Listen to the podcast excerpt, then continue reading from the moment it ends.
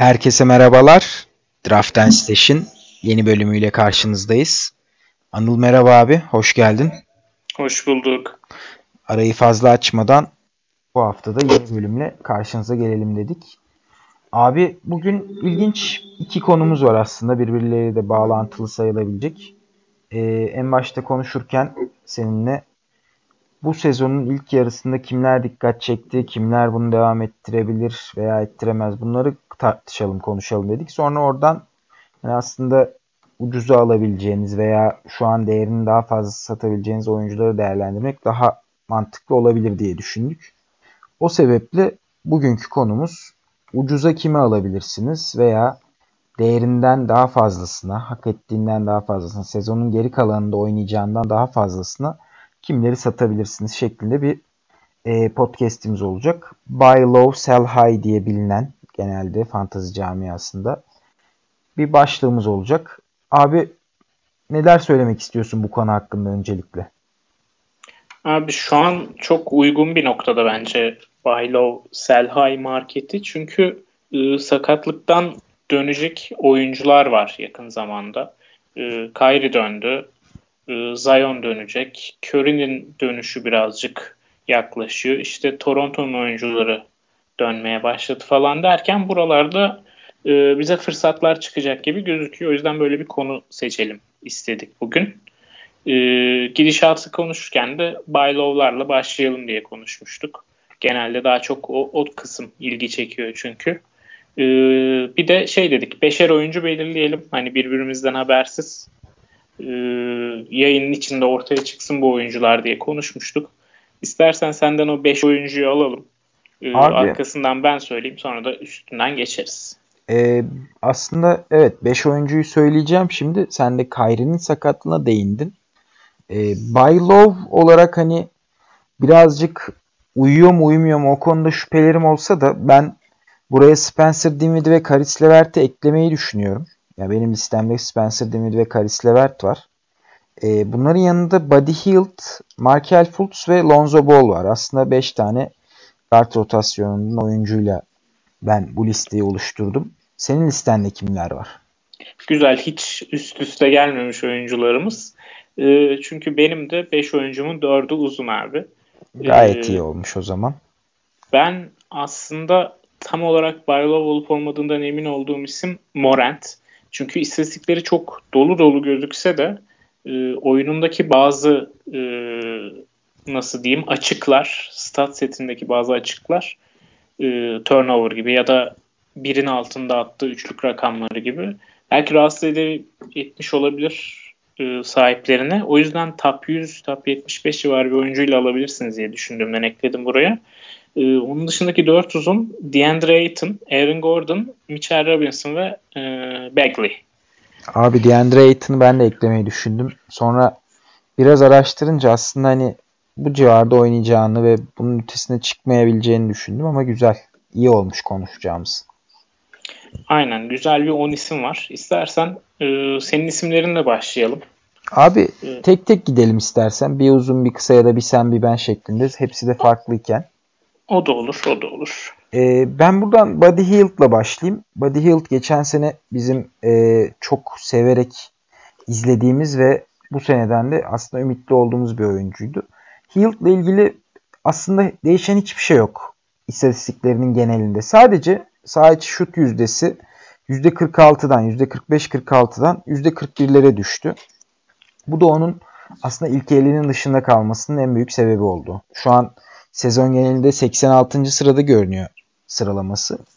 E, ben bu noktada Hield'ın sezonun geri kalanında toparlama ihtimalini göze alarak e, ilk 50 içerisine girmesini bekliyorum. Bu sebeple de hani şu an ilk 50 dışında bir katkı vermesini de göz önünde bulundurduğumuzda değerinden daha ucuz alınabileceğini düşünüyorum. Bunun sebeplerine gelirsek de bu arada şeyi de ekleyeyim. E, değerini düşüren ufak bir sebep de geçtiğimiz sene top kaybına pozitif bir katkı, pozitif bir e, etki yaparken özellikle ortalama bir oyuncuya göre bu sene negatif bir etki yapıyor. Bu da onun değerini düşüren etkenlerden birisi. Bunun en önemli sebeplerinden birisi bu sene daha çok topla e, haşır neşir oluyor. Topa daha çok dokunuyor ve daha fazla yaratmak, üretmek zorunda kalıyor. Bunun en önemli sebebi de tabii ki De'Aaron Fox'un sakatlığı, Bogdan Bogdanovic'in sakatlığı ve formsuzluğu. Ben Sacramento'nun sezonun geri kalanında playoff'a yapacağı adımın etkisiyle birazcık daha değerli toplu ve geçtiğimiz seneki koş koşu oyuna daha yakın bir oyun bekliyorum. Bu sebeple de top yönlendirme görevlerinin ve topu topla daha çok e, haşır neşir olma görevlerinin Hield'dan uzaklaşmasını bekliyorum. Onu hani bu takımın bir numaralı skoreri olarak kullanıp özellikle ona özel pozisyonlar yaratmalarını bekliyorum. Geçtiğimiz senenin ikinci yarısında olduğu gibi. Bu sebeple de sağ içi yüzdesinin artmasını ve top kaybının düşmesini ve değerinin yine ilk 50 seviyelerine gelmesini bekliyorum. E, Hilt hala çok değerli bir oyuncu. Bu dediklerim olmasa dahi Hield'ı e, ucuza kapatabiliyorsanız özellikle ilk 75 oyuncularından birisine karşılık alabiliyorsanız değerlendirmenizi öneririm. Benim bu noktada ekleyebileceğim tek bir şey var abi. Çok fazla tekrar etmiş olacağız ama ben bunu yine söylemek istiyorum. Luke Walton ne zaman e, yarı saha hücumuna ağırlık vermeyi bırakıp takımın iplerini biraz daha salar ve e, açık sahada onları rahat bırakırsa Hield'ın e, senin bahsettiğin bu yarı sahada topla haşır neşir olma meseleleri o kadar azalacaktır. Bu top kaybı rakamlarının azalmasını sağlayacak. E, bir de eğer sahada koşmaya başlarsa e, Sacramento geçen yılki gibi en iyi açık sahada hızlı hücumla üçlükle bitiren oyunculardan biri Buddy Hield.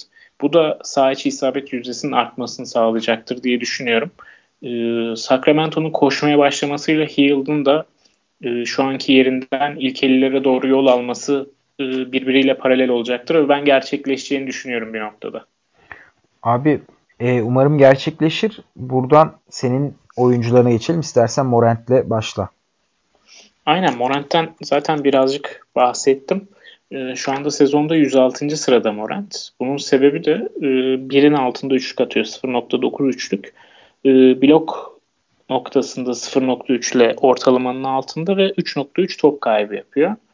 E, aslında ben bunların sezon ilerledikçe iyiye gidebileceğini düş- de düşünüyorum. Çünkü Morant gitgide e, lige alışmakta ve her ayda performansını arttırdığını görüyoruz kendisinin. E, dakikaların artması noktasında bence Memphis e, tedbirli davranıyor şu an. Back to back'lerde dinlendirme yoluna da gittiler bir kere Morant'ı. E, o yüzden dakikalarının artmasıyla paralel olarak istatistikleri artmayacaktır ama yine de 30 dakikada ben 20 sayı 7.5 asistleri yapabileceğini düşünüyorum sezon sonunda. Bu da onu ilk yüzlerden 50 ile 75 arasını atacaktır sezon sonu geldiğinde. E, Morant alışmaya devam ettikçe e, ligde de e, daha doğrusu fantazide de çok daha iyi bir noktaya gelecektir lige. Sırf oyuncuya inancım, e, yeteneklerine inancım yüzünden öneriyorum ben bu e, Buy Love tavsiyesini. Zaten birçok e, çaylak oyuncu içinde sezonun ikinci yarısında özellikle All Star'dan sonra ilk yarısına oranla çok daha iyi oynadıkları bilinen bir gerçek. E, ben de Morant'in ilk yüz dışında kalacağını kesinlikle düşünmüyorum. E, Trae kadar olmasa da ciddi bir atılım, geçen seneki Trae kadar olmasa da ciddi bir atılım bekliyorum. Bence iyi bir öneri şu an için. Morant ve e, ikimizin de çok yüksek şeyler beklediği, çok iyi katkı beklediği oyunculardan birisi. Morant buradan ben Markel Fultz'a geçmek istiyorum abi. Aslında Markel Fultz bizim için e, kayıp bir davaydı. Yani kayıp bir oyuncuydu.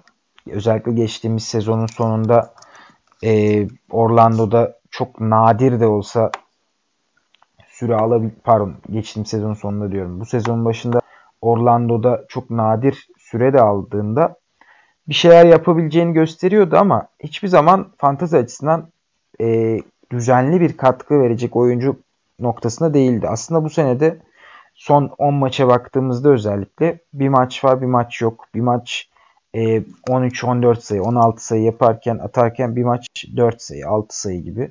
Hani dalgalanmalar gösterdi.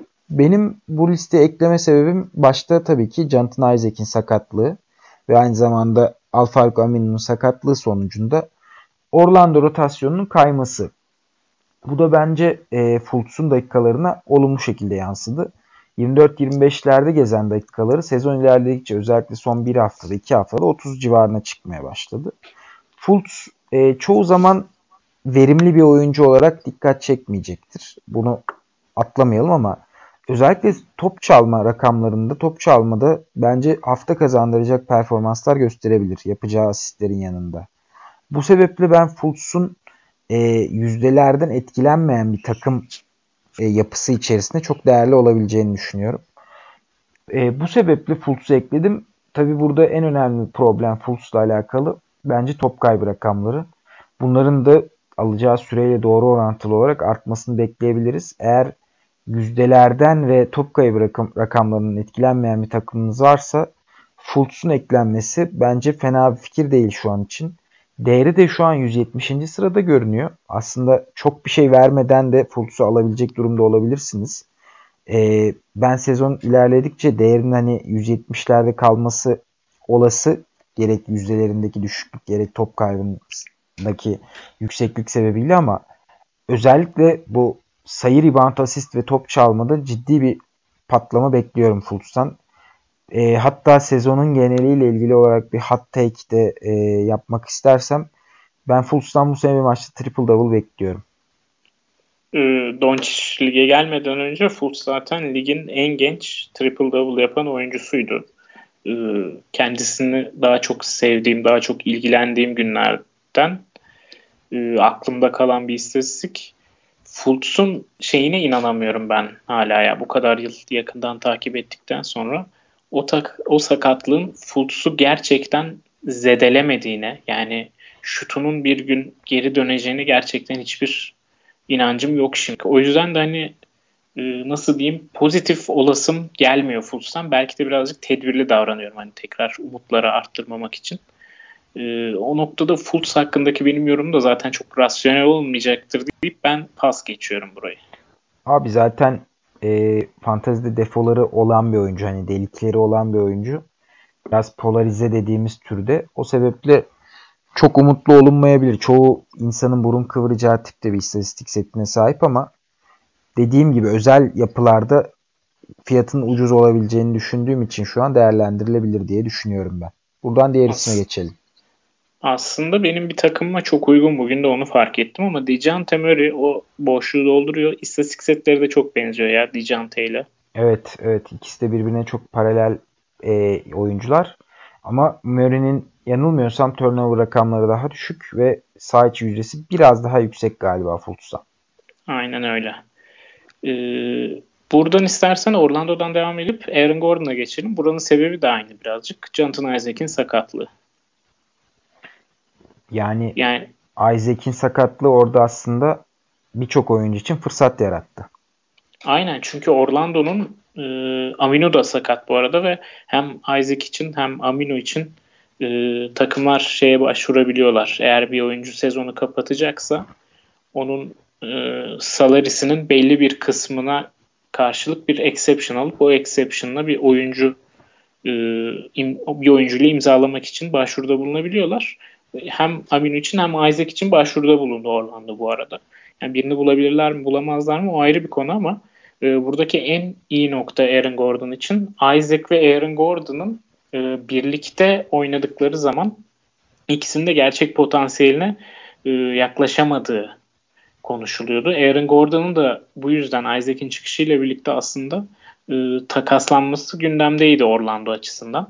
E, iki oyuncudan biri tercih edilecekse tabii ki potansiyeli daha yüksek olduğu için Isaac tercih ediliyordu. Ama şimdi Isaac'in sakatlığında Aaron Gordon'ın e, değerini kanıtlaması için bir fırsat var ellerinde. Bu birincisi. İkincisi Orlando'da Aaron Gordon'a verebileceği kadar sorumluluğu ve süreyi verecektir. Çünkü e, hala takaslamayı düşünüyorlarsa gelecekleri açısından e, şu an onun yeteneklerini göstermesi için daha iyi bir zaman yok hazır Isaac muhtemelen sezonu kapatmışken. E, o noktada Aaron Gordon'un önündeki şey çok açık. E, yol çok açık. E, tek sıkıntı var burada. Sezona kötü başladı. Üstüne bir sakatlık yaşadı. Hala o sakatlığın e, etkileri hafif hafif görülüyor. Yani bugün alsanız bir iki ay iç ama bir iki ay diyorum bir iki hafta içinde de Aaron Gordon'dan istediğiniz katkıyı alamazsınız ama e, Şubat geldiğinde, Şubat'ın ortaları geldiğinde e, All-Star civarı ben Aaron Gordon'dan bir ilk 75 katkısı alınabileceğine inanıyorum. Ee, eğer liginizde Aaron Gordon'ın sahibi onun bu kötü performansından bıktıysa eğer böyle çok da bir şey vermeden top 125'lerde civarı e, yerden alınabilecek belki bir tık üstünde bir oyuncu vererek Aaron Gordon'u da alabilirsiniz diye düşünüyorum. Bence denemeye değer bir risk. Aaron Gordon'un önerini ben bayağı beğendim abi. Ee, özellikle forvet rotasyonundan gelen üçlük iyi rebound ve top çalma katkısı e, bence değerli olabilir. Aaron Gordon da bu departmanlarda iyi bir performans verebilir. Son oynadığı son 3 maçta 11 rebound ortalaması ve 1.5 steal ortalaması var. Top çalma ortalaması var. Bunlar kolay kolay birlikte bulunacak ikililer değil bana kalırsa. Aaron Gordon önerini beğendim ben abi. Buradan Brooklyn'e geçelim. Kyrie'nin sakatlıktan e, sürpriz dönüşü bence Spencer Dinwiddie ve Caris LeVert ikilisinde e, fantazi açısından daha ciddi artılar yazabilir. Bunun en önemli sebebi Kyrie'nin sakatlığının nüksetmeye, daha doğrusu ağrı hissetmesine tekrar yol açabileceği, daha doğrusu tedavisi buna yol açabilir. Sen daha iyi bahsedersin az sonra. Ben Dinwiddie'nin düşen şut yüzdesinin e, birçok menajer için açıkçası çok can sıkıcı noktalara geldiğini düşünüyorum. Bu sebeple eğer Dinwiddie'den Kyrie'nin de dönüşüyle birlikte vazgeçmek isteyen menajerler varsa bence Dinwiddie'ye şu bulunduğu noktadan biraz daha düşük bir değer. Yani Basketball Monster'da 116. sırada görünüyor mu? Bence ilk yüzün dışında bir oyuncu değil kesinlikle. Ee, ilk yüz katkısı verip özellikle Kyrie'ye de sahipseniz böyle bir ligde bence Dinwiddie'yi alabilirsiniz. Dinwiddie şut yüzdesini düzeltecektir. Şut yüzdesini daha kabul edilebilir seviyelere çıkaracaktır diye umuyorum ben. Ve top kaybı rakamlarının daha düşmesini bekliyorum. Bu sene 2.8 top kaybı yapıyor sezon genelinde ama Kyrie yokken bu 3.5'lara yaklaşmıştı. Bu sebeple Dinwiddie'nin değerinin Kyrie'nin gelmesiyle birlikte biraz daha artabileceğini düşünüyorum ben. Bunun en önemli sebebi de onun verimli bir oyuncuya dönmesi olabilir ama e, Dinwiddie için de çok ciddi bir oyuncudan bence vazgeçmemenizi öneririm. Çünkü Kyrie dönmesi veya dönmemesi ikisi de apayrı problemler olacak. Sağlıklı dönmesi veya sağlıklı dönmemesi. Birazcık görüp durumu Kyrie'nin durumuna göre Dinwiddie'ye bence yeltenebilirsiniz. Levert'in durumu daha farklı. Ben orada sana pası atacağım abi. Kyrie'nin sakatlığına da değin diye. Levert'i bekleyenler için ne tavsiye edersin? Abi şöyle e, Kyrie'nin sakatlığı biliyorsun geçen programımızda da konuştuk Kyrie ve şey dedik ikimiz de hani dönmesini beklemiyoruz. E, zor görünüyor şu şartlarda dedik ve bir hafta sonra Kyrie dönüyor. Hani ne iş diyebilirsiniz. E, bunu dedikten biz bunu konuştuktan birkaç gün sonra ben şeyi araştırdım. Bu kortizon iğnesinin e, olayını araştırdım. Aslında çok basit, çok da sık uygulanan normal insanlar, sporcuları da her türlü e, uygulaması olan bir durummuş. E, kortizon iğnesinin olayı şu, e, sizin oradaki ağrınızı, acınızı e, dindiriyor. Ama bunun belli bir süresi var. E, bunun süresi net olarak e, verilmemekle birlikte birkaç haftadan birkaç aya kadar sürebileceği, kişiden kişiye göre, uygulamadan uygulamaya göre de değişeceği söyleniyor.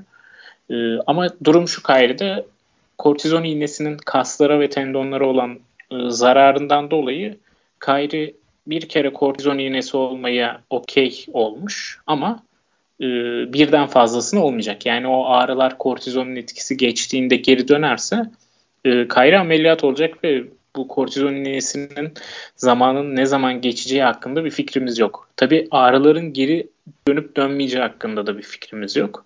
E, çünkü kortizonun rahatlama sağladığı o dönemde e, oradaki sakatlığı hafifletecek, rahatlatacak temel bir çözüm sunabilecek egzersizleri yapıp e, Kyrie'nin bu sakatlığı atlatma gibi bir durumu da var.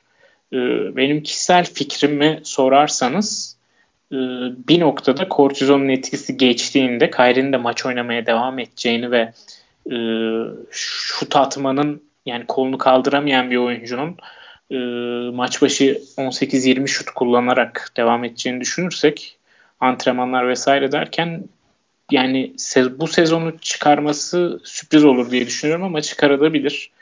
Ee, sezonun bir noktasında bence Kyrie e, sezonu kapatacak. Özellikle eğer Brooklyn ilk yani ilk dörde ilk beş oynamıyorsa ya da takımın durumu e, elenecek bir noktadaysa e, ilk turda Kyrie'nin zorlaması için çok fazla bir neden ben göremiyorum açıkçası.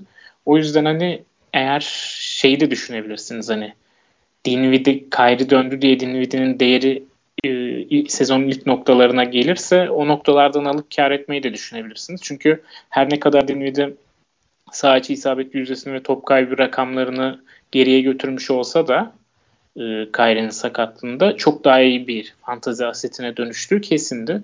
E, o noktada Dinwiddie ve Levert'e de yatırım yapılabilir diye düşünüyorum. E, son olarak kısaca Levert'e de değinmek gerekirse bence hayal kırıklığı bir sezon geçiriyor ama e, Levert'in şu an dakikalarını da Nets'in sınırlı tuttuğunu ve e, birkaç hafta içinde onun da 30'lara yaklaşacağını düşünebiliriz.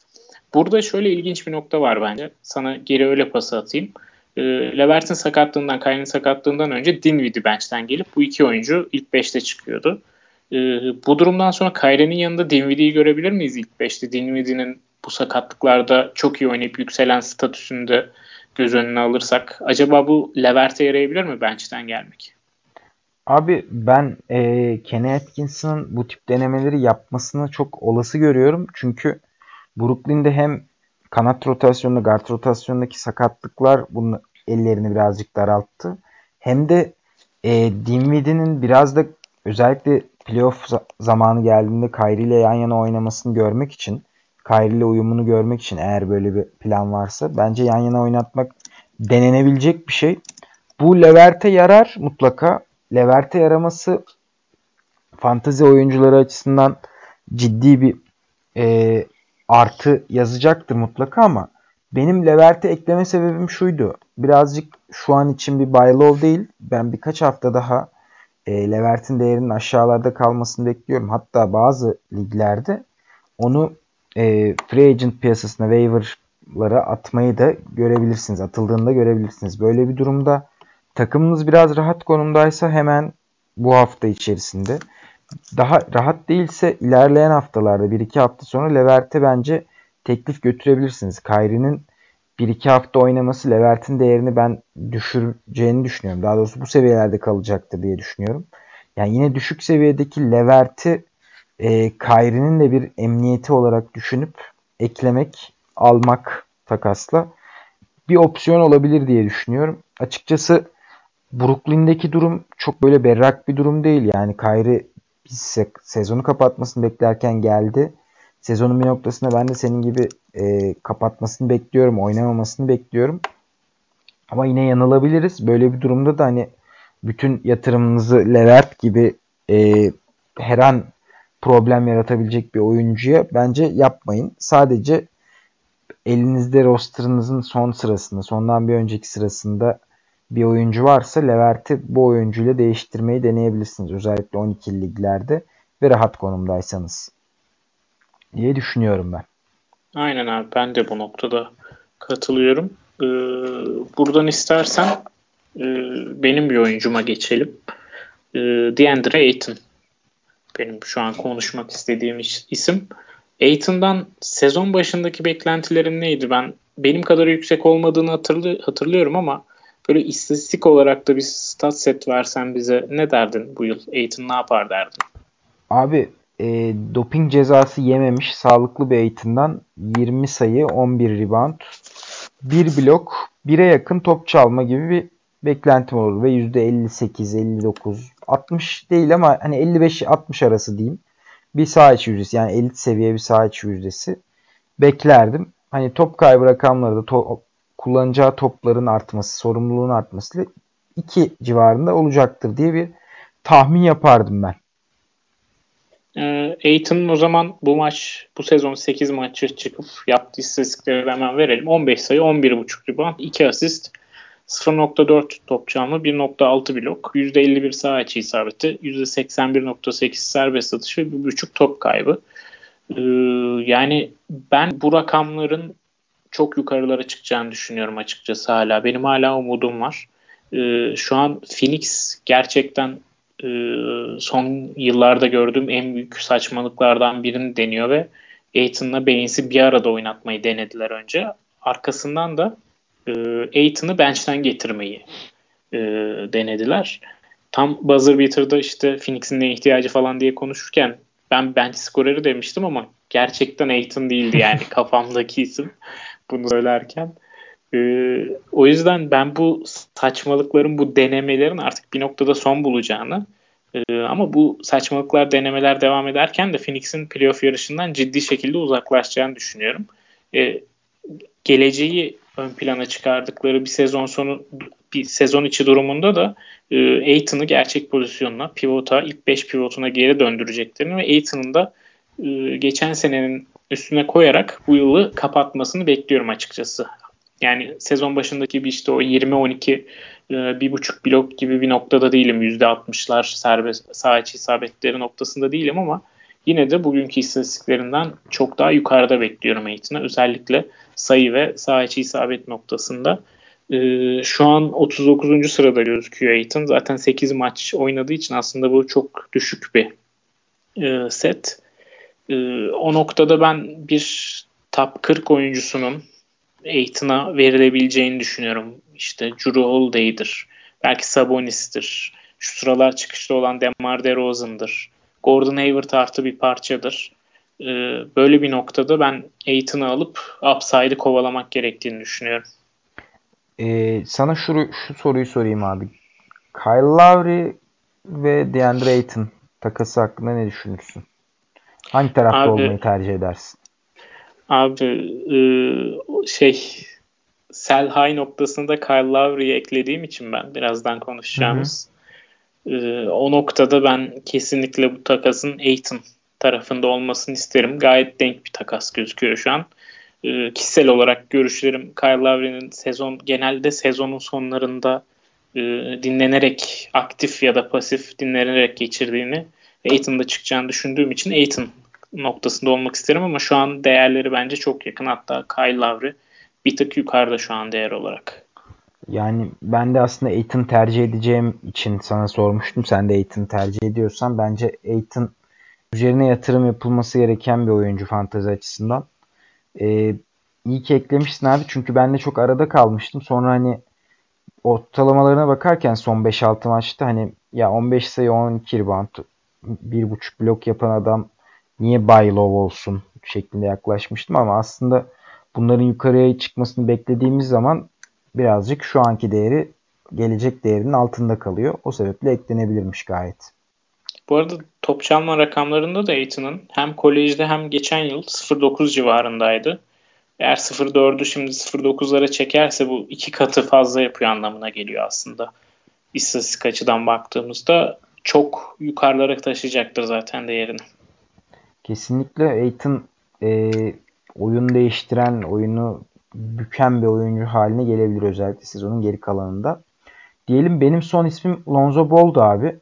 E, Lonzo Ball aslında son haftalarda, daha doğrusu son e, iki haftadır gayet iyi oynuyor. Bu hani buy low deme sebebim değeri ucuz olduğu için değil. Sadece ben Lonzo Ball'un trendinin yukarı doğru olduğunu düşünüyorum. Bunun da en önemli sebebini Drew Holiday'in olası uzayan sakatlığı olarak görüyorum. E, Lonzo'nun en büyük avantajı şu. Bence e, savunmada çok ciddi bir savunma katkısı veriyor. Hem gerçek hayatta hem de o fantezi açısından. Bunun yanında çok elit seviyede asist rakamlarına sahip. E, son 5 maçta 8.5 asist ortalaması var. Son 2 e, haftada da 8.2 galiba yanılmıyorsam e, asist ortalaması. Bu çok elit bir seviye. Şimdi Lonzo'nun değeri son 2 haftada 37. sırada, son bir haftada 100. sırada. Sezon genelinde de 129. sırada. Aslında baktığınızda çok düşük bir seviyede değil. Ama ben özellikle Lonzo'nun bu noktada bu veri verdiği istatistiklerin ötesinde bir istatistik e, setine sahip olmasını bekliyorum. Zion dönse dahi. Çünkü benim Drew Holiday'den ve New Orleans'tan aldığım izlenim pek iyi değil. E, Holiday'in sakatlığı veya en ufak bir rahatsızlığında onu oynatmaktan vazgeçmeleri, oynatmayı istememeleri ve gençlere olan yatırım ve bu ellerindeki Ingram'ın, Lonzo'nun ne kadar sorumluluk alabileceğini görmeleri, e, şut tercihlerini görmeleri noktalarında karar vermek istemeleri bence ciddi bir artı olacak Lonzo için. Özellikle şut koçunu da bu sene değiştirdi bildiğiniz üzere. E, New Orleans'ta e, ismini hatırlamıyorum şu an. Yeni bir şut koçuyla çalışıyor ve şut mekaniğini de inanılmaz geliştirdi. Bu bence yüzdelerine de yansımış durumda. Özellikle sağ içi yüzdesi ciddi bir artış gösterdi son iki haftada. %48 ile atıyor. E, sezon genelinde %40 gibi düşük bir yüzdeye sahip. Hani son iki haftaya bakma deyip kandırabileceğiniz bir menajer varsa bence Lonzo Ball'u kadronuza katın. Lonzo Ball'dan ben sezonun geri kalanında 15 7-7 şeklinde 15-6-7 şeklinde bir istatistik e, seti bekliyorum. Ve bunu 2 civarı üçlük ve 1 civarı top çalmayla birlikte yaptığı zaman bence çok değerli bir sezon sonu geçirecek Lonzo Ball. O sebeple Lonzo Ball'u ben e, By Love mu tam emin değilim. Aslında şu an iyi oynadığını düşünürsek çok bir değerinde bir düşüklük yok. Ama e, genel değeri yani sezon genelindeki değerinin üstünde bir değer olacaktır bana kalırsa Lonzo Ball'da. Abi senin söylediğin bir noktaya benim itirazım var. Ee, bu gençlerin neler yapabileceği, ne kadar sorumluluk alabileceği noktasını görmek isteyeceklerdir diye. Bundan önce bence New Orleans Zion döndüğünde e, Drew işte J.J. Redick, Derek Favors gibi veteranların da bu genç nüveye eklenmesiyle aslında bu takımın neler yapabileceğini görmek isteyecek bence e, en başta. O noktada bence hala Lonzo için e, bir Baylov e, penceresi açık kalabilir. E, yani bu saydığımız isimlerin çoğu yakın zamanda yükselmesini beklediğimiz için isimler ama Lonzo için yaklaşık bu pencere böyle bir, bir ay falan daha açık kalabilir. New Orleans'ın playoff umutları tamamen bitene kadar. Ben bir noktada playoff kovalamaya çalışacaklarını düşünüyorum Zion'un gelmesiyle. Gerçekten iyi bir kadroları olduğunu düşünüyorum ve sezon başında da New Orleans'la ilgili konuştuğumuz o şut sorununun e, spacing sorununun bugün Lonzo ve Ingram'ın e, üçlük rakamlarına baktığımızda çok daha e, azalmış olduğunu görüyorum. Bir deneyeceklerdir. Çok da uzak değiller. Son 9 maçın 7'sini kazandılar. E, zaten Batı'da playoff yarışı veren takımların hali birbirinden beter. O yüzden biraz daha açık kalabilir diyorum Lonzo'nun Baylov opsiyonu ama e, onun dışında dediğin her şeye katılıyorum. Ben de sezon sonunda Lonzo'dan söylediğin rakamlara benzer rakamlar bekliyorum. Zaten biz de sezon başında biraz yüksek Lonzo'ya sezona kötü girmesi açıkçası acaba biz mi çok yanlış değerlendirdik noktasında düşündürtmüştü beni ama e, özellikle son iki haftada yeni yılda çok ciddi bir e, Lonzo'dan gerçekten ciddi bir performans artışı görüyoruz. Ee, oradan benim senin isimlerini bitirdik sanırım. Bitirdik abi evet. Bende iki kişi kalmış. Ee, Bagley ve Mitchell Robinson var bende. Hangisinden bahsedelim istersin önce? Abi Mitchell Robinson benim yine eklemeyi düşündüğüm isimler arasındaydı ama sonra ya bu adamın üstüne koyacak bir şey yok diye düşündüm açıkçası. İstersen ondan başlayalım. Hani sen üstüne ne koyar diye düşünüyorsun. Sen hani neden ucuza almamız gerekiyor? Senin görüşlerin neler? Bunu alalım abi. Valla öncelikle bunun kişisel sebepleri de dayandığını söyleyeyim. Çünkü geçen yıl Mitchell Robinson benim için sezonun sonunda game changer oyunculardan biri olmuştu. Ee, ama geçen yıl yerden de alındığını düşününce Mitchell Robinson'ın ödediğiniz fiyata göre o performans çok fazlaydı. Bu yıl genellikle 30. sıralardan e, en kötü gördüğüm 50. sıralardan draft edilmişti. Aslında benim de e, çıkış noktam bu oldu. 30. sıradan Mitchell Robinson'ı seçen biri Bence Michelle Robinson'ın şu performansından bıkmıştır. Hiç beklediği şey 10 sayı 7 rebound 1.8 blok değildi. Michelle Robinson seçerken.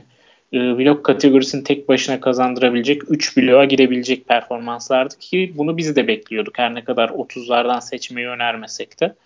E, bunu bekliyorduk. Gelmedi şu ana kadar. Biraz motivasyonsuz gözüküyor benim gözüme bu yıl. Ben çok fazla izleme şansı bulamadım ama izlediği, izlediğim maçlarda çok motivasyonsuz gözüküyordu. Ee, bunu şey diye yorumlamak da mümkün olabilir. Faulden kaçınmak için, sahada daha fazla kalabilmek için e, faulden kaçınmaya çalışıyor diye de yorumlayabiliriz ama bu sefer de ben aldığı 23 dakikayı e, çok mantıklı bulamıyorum o noktada. Faulden kaçınarak 23 dakika sahada kalması bana çok az geliyor.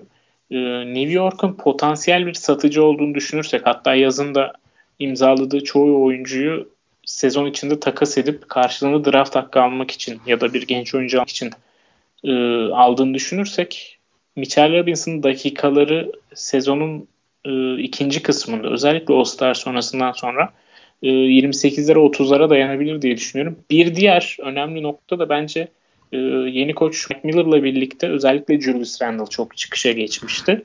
E, Mike Miller'ın ben Mitchell Robinson'a da e, pozitif etkisi olacağını düşünüyorum. Abi umarım bu pozitif etkiyi görebiliriz. Ben bahsettiğin aslında o e, 3. tur 8. sıra yani 32. sıradan alan isimlerden biriyim Mitchell Robinson'ı. Beklentimin çok çok altında kaldı. E, umarım toparlar. Hani söyleyecek bir şeyim yok. Ben de senin kadar seninle aynı noktadayım. Çok fazla New York maçını izleyemedim New York olduğu için. İzlediğim noktalarda da hani geçen seneki o deli dolu oyunundan ya da gelin bakalım sizi bloklayacağım oyunundan hiç eser göremedim açıkçası Robinson'dan. Bunun sebebi birçok insan tarafından ve birçok yazar tarafından faal probleminden kaçmak olarak nitelendirilse de fantazi açısından açıkçası bir hayal kırıklığı olarak nitelendiriliyor. Bu sebeple de Mitchell Robinson e, sezonun geri kalanında sadece daha iyiye gidecektir diye düşünüyorum. Yani bundan daha kötü olmasını pek beklemiyorum ben. Ee, o zaman bir de Bagley'i konuşalım istersen. Abi ee, hemen programdan önce aldığımız haberden bahsedelim. Richard Holmes'un 2-3 hafta olmayacağı haberi.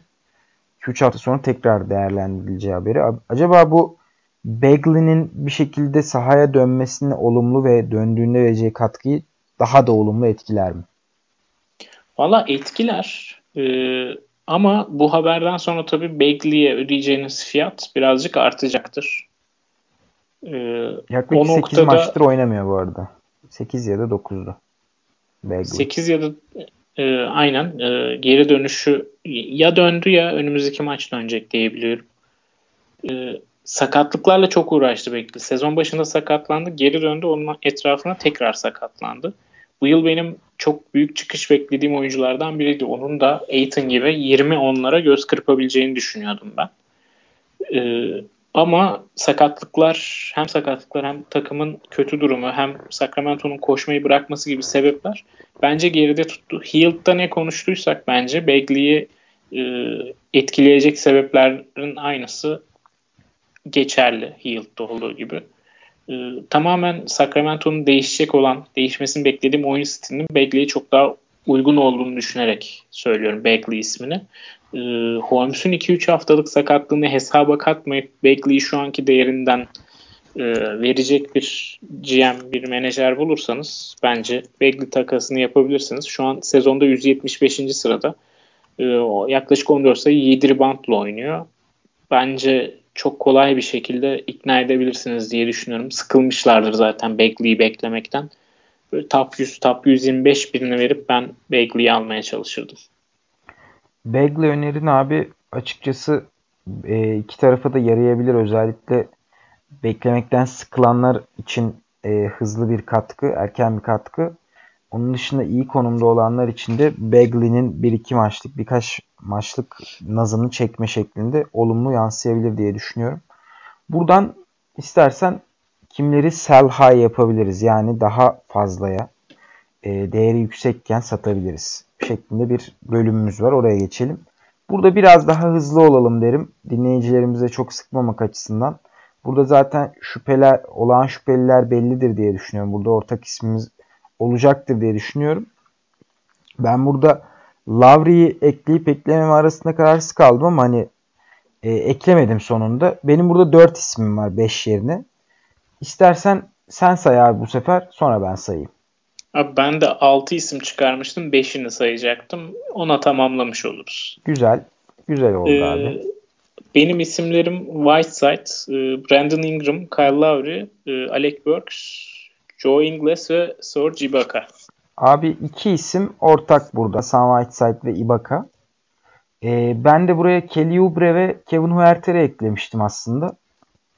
Bunun sebebi Kevin Huerter'le hemen başlayıp pası sana atacağım. Huerter'i eklememin en önemli sebebi Huerter'in çok yep yani çok yeni bir noktada değerini arttırmış olması. E, sezon genelinde 121. sırada evet bu hani Huerter'den beklediğimizden çok az daha aşağıda bile olabilir ama son 5 e, maçta yaptığı istatistikleri ben sayayım. Hatta 6 maçta yaklaşık 18 sayı, 3 üçlük, 5 rebound, 1.5 top çalma ve sağ içi yüzdesi de %54 civarında. E, bu Huerter'den bence sürdürmemizi sürdürmeyi beklemediğimiz bir istatistik. Bu sebeple Huerter'in değeri bence şu an olabildiğince yüksek ve bu değerlerden yani Huerter'den bunu bekleyip alabilecek bir menajer varsa liginizde bence Huerter'i gönderebilirsiniz. Huerter e, istatistik seti açısından free agent piyasasından veya waiver piyasasından bulunabilecek bir istatistik setine sahip. Eğer sıkı iyi takip eden biriyseniz ve Huerter'e mesela bir top 75, top 50 hatta katkısı bulabiliyorsanız bence kesinlikle düşünmeden satın. Bunu söylemenin en önemli sebebi de son iki haftada 20. olması ve e, son bir haftada da 43. olması ortalamada. Huerter'in değerini bence inanılmaz yukarılara çekiyor. Eğer bu değerlerden bir fiyat biçtiğinizde alıcı varsa kesinlikle Huerter'i elinizden çıkarmanızı öneriyorum. Yani şu an Huerter elinizde ise top 50, top 75 oyunculara takas teklifi yağdırmanın e, tam zamanı gibi duruyor. Aynen öyle abi. Kesinlikle katılıyorum sana. Ee, senin isimlerinden biriyle devam edelim. Abi en olan şüpheliyle devam edelim. Hasan Whiteside. Abi evet sen bir Hasan Whiteside sahibi olarak bu adamın neyin peşinde olduğunu söyler misin? Şu an açık ara blok lideri yani en yakın rakibiyle 0.3 gibi bir fark yakalamış durumda. Tek başına blok kategorisini kazandırıyor size Whiteside haftalardır. Burada iki tane potansiyel problem var. Bir tanesi gerçekleşmeyebilir. Bir tanesinin gerçekleşmesinin önünde bir engel yok. Gerçekleşecek olan Yusuf Nurk için e, ve Zach Collins'ın geri dönüşü. Zach Collins'ın dönüşünü Mart civarında e, bekliyor Portland. All-Star arasında da Şubat 20 civarı ve sonrasında Yusuf Nurk için dönüşü bekleniyor ama bu iki oyuncu da uzun sakatlıklardan geliyor ve e, bir anda çok yüksek dakikalar oynamaya başlamayacaklardır. Hatta Zach Collins bence 5 numarada bu iki oyuncunun dakikalarında çok fazla tehdit e, etmiyor gibi gözüküyor şimdilik. 4 numaradaki Melo dışındaki opsiyonların e, az olması sebebiyle. İkinci potansiyel tehdit takas. Whiteside'ı bir Kevin Love almak için gönderebilir. Başka bir oyuncu almak için gönderebilir Portland. Ama ben o noktada acaba Yusuf Nurk için e, ve Zach Collins'ın uzun sakatlıklardan dönmesini ve playoff'ta bu iki oyuncuya güvenirler mi güvenmezler mi çok emin olamıyorum. Bir de Kevin Love'ın kontratını aldığınız zaman böyle uzun bir kontrat aldığınız zaman e, çok fazla cap flexibility'niz kapanmış oluyor önümüzdeki sezonlarda. E, Portland'ın da aslında 2021 yazına çok uygun kontratları bulundurduğunu düşününce elinizde sadece McCallum Lillard ve Nurk için kontratı kalıyor 2021 yazına. Hatta bu yazda yaklaşık 15-16 e, milyon dolarlık bir boşlukları oluşacak. Onunla bir e, 3 dediğimiz tarzı bir kanat oyuncusuna yönelebilirler. O, o noktada takasın ben gerçekleşme ihtimalini özellikle Kevin Love takasının gerçekleşme ihtimalini çok düşük görüyorum. Ee, ama başka bir oyuncuya gidebilirler. Mesela Galinari'ye gidebilirler. Galinari çok daha mantıklı gözüküyor. Her ne kadar temel ihtiyaçlarını tam olarak karşılamıyor da kontratı biten bir oyuncu Galinari. Ama Portland'ın elindeki e, asetlerden de ayrılmak istemediği konuşuluyor. E, draft pickleri Portland'ın zaten çok fazla değerli değil. Playoff yaptığı için her yıl Portland. E, Simmons'ı sen biliyorsun. GM Milos'un ne kadar çok sevdiğini hep bahsediyoruz. Ee, Zach Collins'ı da aynı şekilde çok değerli görüyorlar. Bu oyuncuları da göndermeyecekleri için kolay kolay takas zor ihtimal. Ama dediğim gibi Yusuf Nurk için dönüşü e, ertelenemez bir noktada artık All-Star arasından sonra dönecek.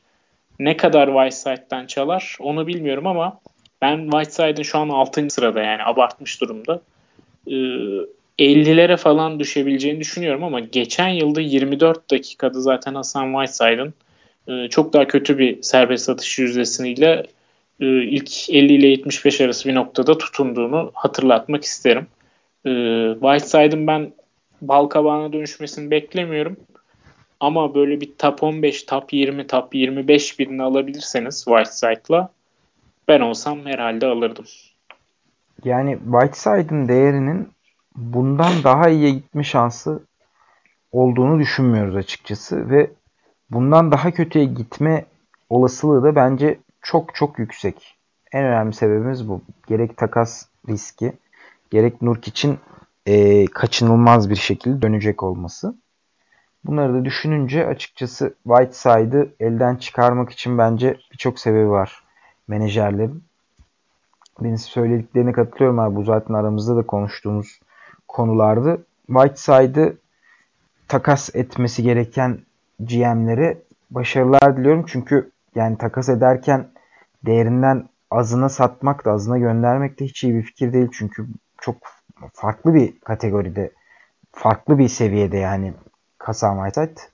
O sebeple Whiteside'ı bir kenara bırakıyorum. Umarım ona bir alıcı bulursunuz 20 top 25 oyuncuya karşılık. Ama bulamazsanız da Anıl'ın söylediği şey doğruydu.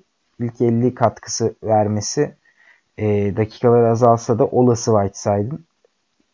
Deyip ben buradan senin bir diğer oyuncuna geçmek istiyorum. Kelly Oubre'ye. E, aslında burayı çok uzatmayacağım abi. Kelly Oubre'nin değerindeki ben değerinin düşmesini bekliyorum biraz daha aşağılara doğru. Şu an 18.5 sayı, 6.5 rebound, 1.6 asist, 1.5 top çalma, 0.7 blok ve %46 sağ içi yüzdesi ile oynuyor. Bunların yanında 2'de 3'lük atıyor. Aslında e, bu istatistiklerin ben biraz daha geçen seneye yakınsamasını bekliyorum. İkişer üçer sayı düşmesi, bir buçuk rebound düşmesi, yarım e, yarım asist düşmesi şeklinde ufak ufak düşüşlerle onun şu anki değeri olan 37. sıradan biraz daha 75. 50-75 arasındaki sıralara düşmesini bekliyorum. Aiton'da konuştuk. E, Sans şu an bir şeyler deniyor. Ubre sezon başından beri oynadığı için ve kanat rotasyonunda güvenebildikleri en önemli parça olduğu için bence değerini koruyor. Ama bunu korumasını ben pek olası görmüyorum sezonun geri kalanında. Son iki haftada 5. sırada görünüyor. Bu da bence sürdürülmesi imkansız bir sıralama. Abi Jubre ile ilgili benim en takıldığım nokta yani Phoenix'in playoff yapacağını inanmadığım için sezon sonu geldiğinde bu dakikaların 34 dakika ortalamayla oynuyor. 30'lara düşerse senin de dediğin gibi ortalamaları geçen sezona yakın bir noktaya gelecektir. İşte 15 sayı, 5.5 rebound, bir top çalma, yarım blok tarzı bir aşağı yukarı istatistik. Bu da pek e, tercih etmeyeceğimiz yani en azından şu anki noktasından çok daha düşük e, istatistikler. Ama yani Batı playofflarında kimin öne çıkacağını e, bugünden tahmin etmek bayağı zor iş. Yani Portland'ın hamle yapıp yapmaması, San Antonio'nun toparlayıp toparlamaması, Memphis'in böyle devam edip etmemesi, kat dönünce Minnesota'nın ne yapacağı falan filan derken eğer o playoff yarışı böyle 4-5 takımlı bir şekilde fantazi playofflarına devam ederse o gün çok başka şeyler de konuşuyor olabiliriz. Yani bir, çok dinamik bir durumda kalacak bence o takımlardaki oyuncuların durumları. Ee, hafta hafta orayı şey yapmak, takip etmek çok önemli bir noktada bence bu yıl fantazide. Ben de tam o zamanlamadan bahsedecektim abi. All-Star'a doğru biraz daha şekillenmesini bekliyoruz.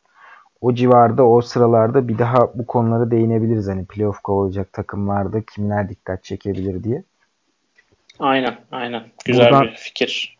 E, diğer önerin kimdi abi ona geçelim. Lavri'ye geçebiliriz istersen. Sonra da Ibaka yapabiliriz. Lavri ve Ibaka'yı hızlı bir şekilde konuşalım istersen. Benim kişisel yine burada Lavri tercihim. Ee, ben Lavri'nin sezon sonu iyi oynadığını hatırlamıyorum. Ben buna bakmıştım bundan bir yıl önce Lavri'yi draft edip etmeme noktasında düşünürken. Bu yılki draft değil de önceki draftta. Ee, Lavri sezon sonunu iyi oynamıyor. Şimdi istatistiği hatırlamıyorum ama e, böyle bir yıl zaten sakat geçirdi komple. E, bileğinden sakatken, şut attığı bileğinden sakatken All-Star arasında üçlük yarışmasına katılıp sonra normal sezonu kapatmıştı. E, kendisine zaten oradan bayağı kirliyimdir ama genel olarak yatar Lavri sezon sonlarında. E, o noktada hiç güvenmediğim bir oyuncu. Toronto'nun da çok fazla dakika oynattığını düşünürsek 38,5 dakika ortalamayla oynuyor. Van Vliet'in de bir süre daha olmadığını düşünürsek bu dakikaların da sakatlık riskini çok daha fazla arttırdığını hatırlatıp ben çıkabiliyorsanız Lavri'den çıkmanızı öneririm. DeAndre Ayton, Lavri takası mesela çok güzel bir takas gözüküyor benim gözüme. Lavri ile ilgili benim ekleyeceğim şey de e, kariyerinin bu noktasında 8. senesinde 38,5 dakikayla kariyerin en yüksek dakika ortalamasını alması. Bu noktada bence bu birazcık Lavri'nin sakatlık riskini fazlasıyla arttırıyor. E, Lavri'den çıkmak iyi bir opsiyon olabilir gibi görünüyor. Değerinin de yüksek olduğunu düşünürsek. Açıkçası sezon sonunda yükselişe geçeceğini düşündüğünüz veya e, en azından sabit bir katkı vermesini beklediğiniz 20-25. sıra oyuncuları ilk 20-25. sıra oyuncuları bence radarınızda bulunsun. Deyip Ibaka'ya geçelim. Ibaka'nın da son e, yaklaşık 7-8 maçtır ciddi bir katkısını görüyoruz. Bunun en önemli sebebi de Pascal Siakam ve Marc Gasol'ün sakatlıkları sonucunda Ibaka'nın pota altının tek sahibi olması.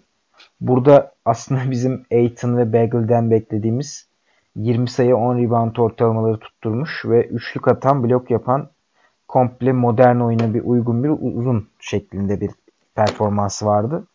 Bunun sezonun geri kalanında hatta haftanın geri kalanında Siakam da bugün dönüyor galiba. E, düşündüğümüz zaman geriye gitmesini beklemek çok daha mantıklı olacaktır. Ibaka sezon başında gösterdiği e, biraz daha normale yakın performansını sürdürüp 16 sayı, 6 rebound, 1.5-2 blok şeklinde bir istatistik yapması daha olası geliyor bana. Sen ne düşünüyorsun abi Ibaka hakkında? Abi çok ekleyebileceğim bir şey yok. Hani Marc Gasol'ün de dönüşü yakın. Ibaka'yı e, top 100'ün üzerinde bir değere satabileceğiniz herhalde sezon içindeki tek nokta olacak sakatlıkları. E, eğer tahmin edemeyeceğimiz için göz önüne almazsak o yüzden ben top 100 civarı daha ya da top 75 civarı daha çok güvendiğiniz bir oyuncuyla Ibaka'yı şu an takas teklifi yağdırmayı çok mantıklı buluyorum. E, o oyunculardan bazıları işte e, belki Josh Richardson olabilir. Daha rolünün sabit olduğu, e, düşmesini çok fazla beklemediğimiz Morant olabilir. Belki yanına bir parça daha koymak zorunda olabilirsiniz Ibaka ile birlikte.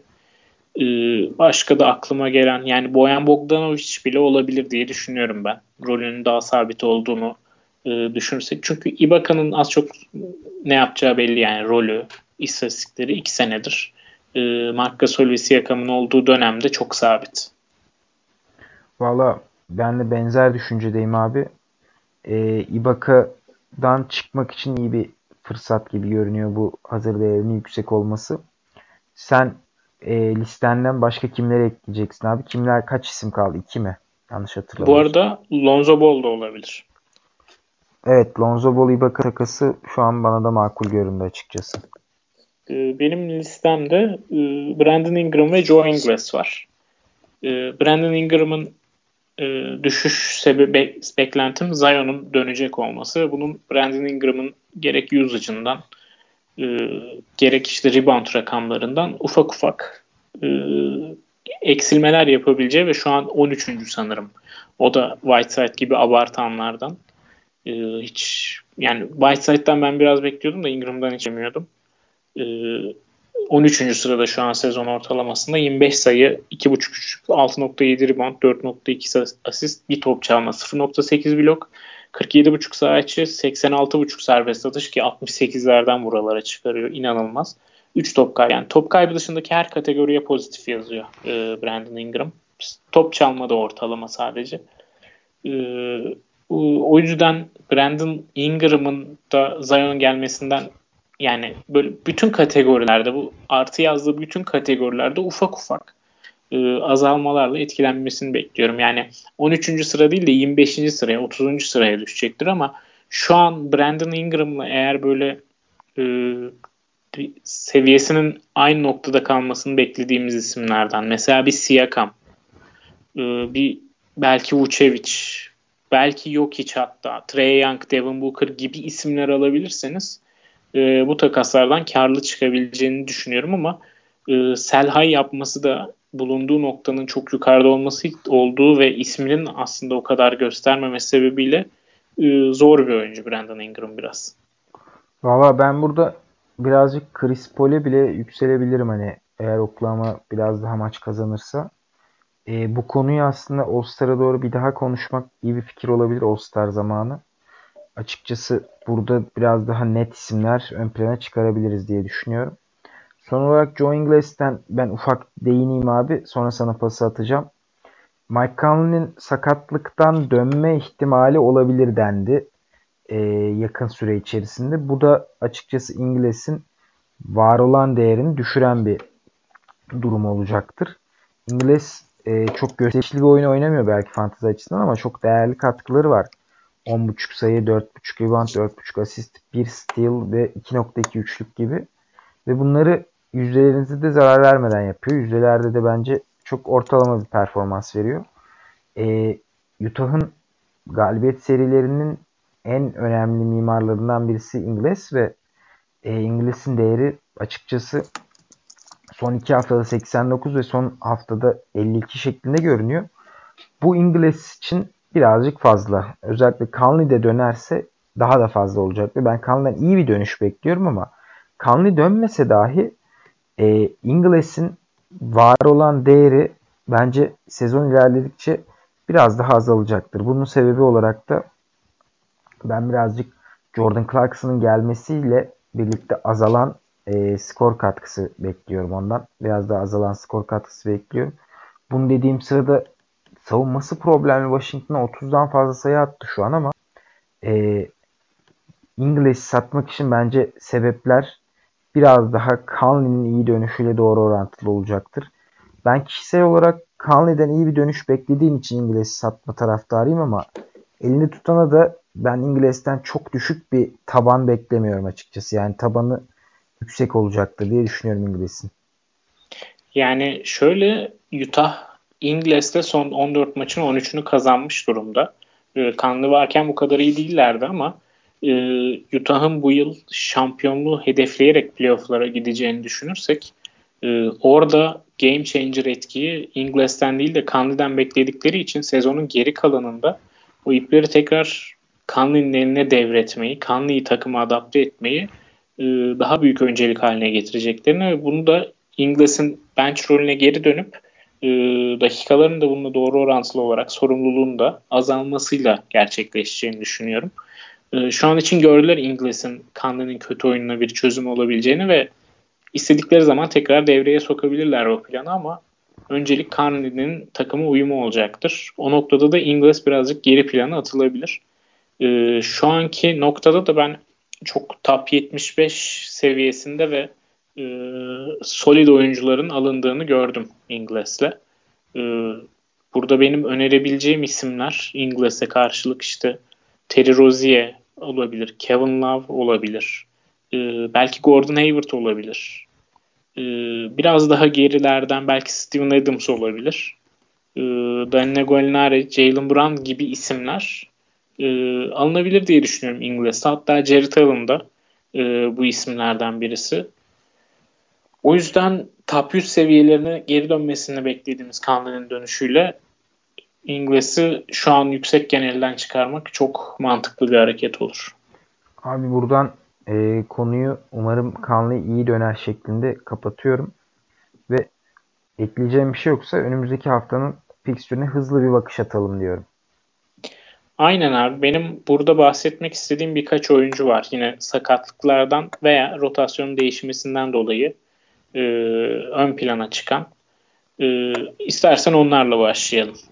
Abi başlayalım. Ben hemen şunu sayayım fikstüre bakarken. Bu hafta ve önümüzdeki hafta Charlotte Hornets'in iki maçı olacak. Yani bir haftada iki maç oynamak yeterince riskliyken Hornets iki haftada ikişer maç oynayacak. Bu noktada Hornets oyuncularını elinizde tutmayabilirsiniz diye düşünüyorum. Çünkü e, birazcık riskli seçimler olabilir. Özellikle ismi Terry Rozier e, ve Devonte Graham ve Miles Bridges ol, mayan oyuncuları. PJ Washington'da belki. Keza PJ Washington'da tutulabilir. Ama onun dışındaki Hornets'lerden uzak durmak iyi bir opsiyon olacaktır. Bu hafta ve önümüzdeki hafta. Aynen. Yani Cody Zeller, Biombo gibi streamleri e, yapmayı düşünüyorsanız yapmayın fikstürden dolayı. E, senin fikstüre... sakatlık sebebiyle dikkatini çekenler kimlerdi abi? Ya Heh, rotasyon aynen. değişikliği sebebiyle. Ona gelelim. Ee, Omar Spellman benim çok dikkatimi çekti. Ee, bunun temel sebebi de Steve Kerr'ün e, Spellman'ın e, daha iyi bir şutör olması sebebiyle onu Willie Cauley-Stein'ın e, önünde ilk 5'e yerleştirmiş olması ve bu deneyi de bir süre devam ettirecek olması. E, Spellman'da stat set açısından çok hacimli olduğu için e, oynadığı maçlarda da gayet iyi oynadığı için e, şu ana kadar e, hemen söyleyelim. Son 5 maçında sadece 22 dakikada e, yaklaşık 15 sayı, 5 rebound, 1.5 asist, 1.8 top çalma, 0.4 blok ve 2.4 üçlükle oynuyor. Ben 12 takımlı ligler dahil denemek için bu e, noktada alınması gerektiğini düşünüyorum. Çünkü Golden State'ten hani işte e, çok fazla boşaldığı için rotasyon. Oyuncu aradık aradık aradık. Evet bulduk Damian Lee'ler, Alec Burks'lar bulduk. Ama uzun rotasyonundaki bu oyuncunun da ben Spellman olabileceğini düşünüyorum sezonun geri kalanında. Ee, bir de Ben McLemore benim çok ilgimi çekti. Çünkü o da ilk 5'e yerleşti Daniel Auzun yerine. Ee, McLemore da ilk 5 başladığı maçlarda sanırım 3.5 üçlük ortalamasıyla mı ne oynuyor? Ee, o noktada üçlük specialisti olarak Ben McLemore değerlendirilebilir diye düşünüyorum. Abi Omar Spellman konusunda son derece haklısın. Birçok ligde alınmamış, pardon alınmış olabilir. Bu birazcık problem olacaktır Spellman hakkında ama e, özellikle son 5 maçtır çok ciddi bir katkısı var. E, sakatlıklarla ekleyeceğim bir isim var mı yoksa fikstüre yönelim mi? e, sakatlıklarla ilgili tam olarak sakatlık değil çünkü Justice Winslow çok uzun süredir yoktu ama Derrick Jones Jr. sadece %16'sında takımların şu an Yahoo'da gözüküyor. E, o da son bir aydır falan 30 dakika süre alıp e, ilk yüzün içerisinde kendine yer bulanlardan. Geçen yıl o düşündüğümüz stil ve blok rakamlarını bu yıl yapmaya karar vermiş kendisi. Hatta 1-1-1 oyuncusu olma noktasında da e, emin adımlarla ilerliyor. Ben kesinlikle Miami'nin rotasyonda kalacağını ve bu katkısında sezon sonuna kadar sürebilme potansiyelinin olduğunu düşünüyorum.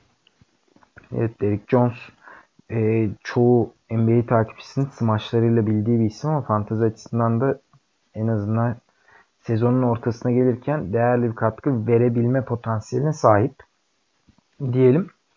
E, haftanın fikstürüne baktığımda benim dikkatimi iki maçı olanlar ve e, 4 maçı olanlar çekti. Onun dışında ligin zaten çok büyük kısmı iki maç şey üç maç oynayacak bu hafta. Yarısından fazlası takımların. E, burada özellikle şuna göz atmak bence önemli. Bu sen, bu hafta e, çok homojen dağılmış denilebilir maçlar. O nedenle yoğun gün sayısında azlık var ve e, bu sebeple de streaming için iyi bir fırsat olabilir. Özellikle ilk iki gün bir oyuncu, sonraki iki gün bir oyuncu, sonraki üç gün iki, üç günde iki maç yapacak başka bir oyuncu şeklinde ilerlenebilir. Bu sebeple streaming'e yaklaşırsak bence daha iyi olacaktır. Ee, ben hemen burada back to back oynayacak takımları söyleyeyim. Pazartesi salı Cleveland back to back oynayacak. Salı çarşamba Brooklyn, Houston ve Dallas. Çarşamba Perşembe Boston, Denver ve Orlando oynayacak. Bir tek Perşembe, Cuma ve Cumartesi Pazar back to back oynayan bir takım yok. Bu birazcık problem olabilir ama Cuma, Cuma Cumartesi Toronto, Oklahoma, Philadelphia, Atlanta, Chicago, Cleveland, e, Minnesota ve Portland dikkat çekiyor. Benim burada dikkatimi çeken iki nokta oldu. Birincisi Cleveland'ın hem haftanın başında hem de haftanın sonlarında iki tane back to back oynaması. E, bu sebeple Kevin Love'ın bu iki maçın en az birinde oynamayacağını düşünüyorum ben. Bu iki back to back serisinin. Bu noktada Cleveland'da mesela Cedio'nun ben performansında bir artış görebilirim, görebiliriz diye düşünüyorum. E, Kevin Porter'da yokken orada dakikaları birazcık daha fazla artabilir Jaden Love'ın da yokluğuyla. Senin dikkatini çeken biri var mı abi fikstür özelinde? Abi fikstür özelinde benim bu bahsettiğin cumartesi pazar back to back olmaması e, bu hafta çok şey etkileyecektir. Çünkü genelde son ed hakkımızı cumartesi pazar oynayan ve seriyi çevirmesini beklediğimiz bir kategoride katkı verecek oyuncu şeklinde kullanıyoruz. E, bu bir de cuma cumartesi back to back oynayan takımların çokluğunu düşününce sanırım orada bir cuma cumartesi edi ve arkasından pazar günü edi e, önemli yer tutuyor. E, bu noktada ben şeyi düşündüm. E, bu cuma cumartesi iki et hakkını kullandığımızı varsayarsak herhalde bir pazartesiden perşembeye e, ya da salıdan cumaya ya da işte o arada 3 günde 2 maç oynayan bir takımın e, eklemesi çok daha mantıklı olabilir diye düşündüm. Pazartesiden Perşembe'ye e, Orlando ve Boston önünde 3 maç oynuyor. E, o noktada bu iki takımdan birini bulabilirsek e, Orlando veya Boston'dan Orlando'da da sakatlıklar e, çok fazlayken bence e, haftayı kurtarmak adına güzel bir ekleme yapmış olabiliriz. Cambridge orada hakkında ne düşünüyorsun abi? Özellikle savunma istatistiklerinde. Savunma istatistikleri olarak e, Cambridge düşünülebilir ama diğer noktalara eksik katkı verdiği için onu bir iyi ayarlamak lazım. Yani steel block ihtiyacınız varsa evet Cambridge e, ama genel bir katkı arıyorsanız belki Fultz'u yerde bulabilirsiniz. Liginizin e, kaç takımlı olduğuna bağlı olarak. E, forvet rotasyonunda Orlando'nun dakika alan oyuncular çok fazla katkı vermiyor maalesef. Wesley Evenwood'dur. İşte başka da zaten şu an ellerinde sağlıklı forvet diyebileceğimiz oyuncu kalmadı. Yani Cambridge evet Orlando'dan Cambridge gibi duruyor şu an. Yani ee, Fultz öncelik tabi ama Fultz'un olmadığı daha derin liglerde Cambridge denenebilir. Bir de Bamba benim dikkatimi çekiyor ama Bamba da blok dışında açıkçası çok ciddi bir katkı vermiyor son e, 7-8 maçtır. Bu sebeple Bamba'dan uzak durmak daha iyi bir opsiyon olabilir. Boston'a da ben Daniel Tice ekleyebilirim abi ama hani çok ciddi bir katkı maalesef verecek durumda değil Tice. Yani yine savunma istatistiklerinde Cambridge ve Daniel Tice deneyebilirsiniz. Ee, onun dışında benim öne çıkarabileceğim e, diğer oyuncular Millsap'in aslında sakatlığında Jeremy Grant bu hafta e, hala yüksek süreler alıp iyi katkılar vermeye devam edebilir. Millsap'in de sakatlığı yani dinlendirme açısından Millsap'i şu an dinlendirmeleri mantıklı çünkü dizinde bir çarpışmadan ötürü rahatsızlık hissediyormuş ve e, risk almamaları mantıklı gibi gözüküyor şu an için. Bir diğer isim Alex Len benim aklıma geliyor. Bu Alex'lerin dakikaların artması, Bruno Fernando ve Damien Jones'un dakikaların düşmesi Trey Young'ın kazanma isteğiyle e, doğru orantılıysa eğer Alex'lerin bir takas gelene kadar Atlanta'dan veya yapmazlarsa bile dakikalarının yukarıda kalmasına sebep olabilir mi? Abi mutlaka etkileyecektir e, olumlu şekilde. Alex Len açıkçası bizim biraz yükseldiğimiz bir isimdi sene başında ama bunu karşılayamadı. Bunun en önemli sebebi de geçtiğimiz sezon, sonunda e, hem üçlük atabilen hem de rebound çekebilen iyi bir uzun görüntüsündeydi Atlanta'da ama bu senenin başında o beklentilerin çok altında kaldı. Sakatlıklar sebebiyle ara ara iyi performanslar gösterdi. Son e, 6 maçtır üçlük atmıyor. Bu birazcık olumsuz onun açısından. Çünkü üçlük de atabilse bence Alex'ten bir ya da iki üçlük atmış olsaydı çoktan çoğu ligde eklenmiş durumdaydı.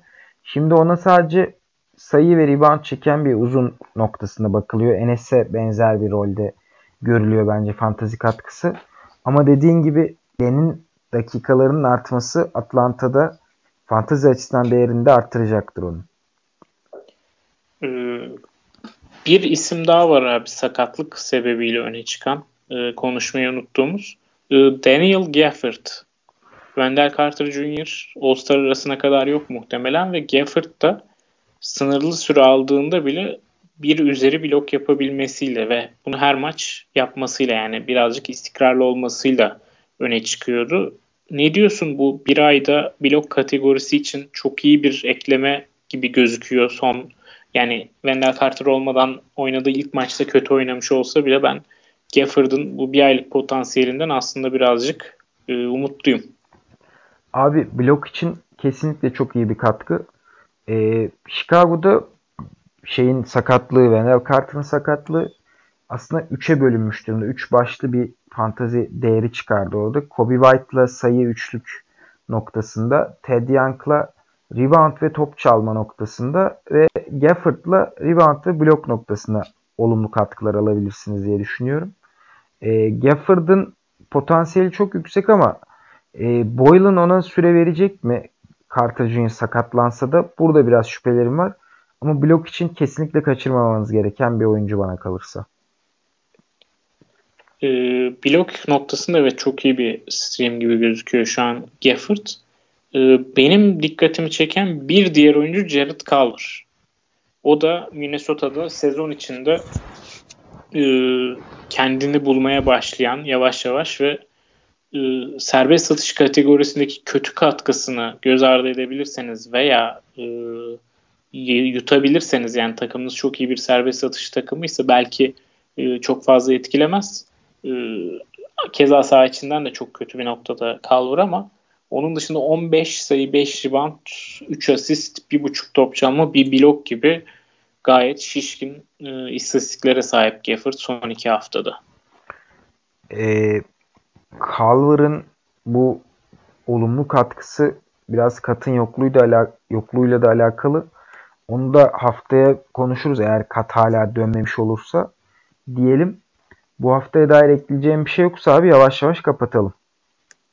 Ee, bu haftaya son bir şeyden bahsetmek istiyorum. Biraz önce bahsettik ya işte e, ilk dört günde üç maç yapan Orlando ve Boston. Daha sonrasında e, Cuma Cumartesi back to back'i ve Pazar günü eşleşmeyi kazandırabilecek son hamle gibi. E, bir diğer e, şekilde şöyle organize edilebilir. E, back to back'lere değil de 4 günde 3 maçlara bakarken çarşamba cumartesi oynayan çok fazla takım var. 1, 2, 3, 4, 5, 6, 7, 8 takım e, 4 günde 3 maç yapıyor. Bu çok az rastlanır bir şey normalde. E, çarşamba cumartesi. şu abi pardon bölüyorum. Öbür pazartesi Martin Luther King günü. O sebeple o gün yığılma var maçlarda. Hı hı. E, o nedenle pazarı boşaltmış durumda NBA takvimi. Pazar boş olunca da hani bu cumartesiye kadar olan süreçte çok fazla maç var. Özellikle çarşamba cumartesi. Hmm, o zaman e, dediğim gibi çarşamba cumartesi 4 günde 3 maçları değerlendirmek için pazartesi salı oynayan bir takıma e, yönelebilir. O da Cleveland. Sen de Cedi'den bahsettin.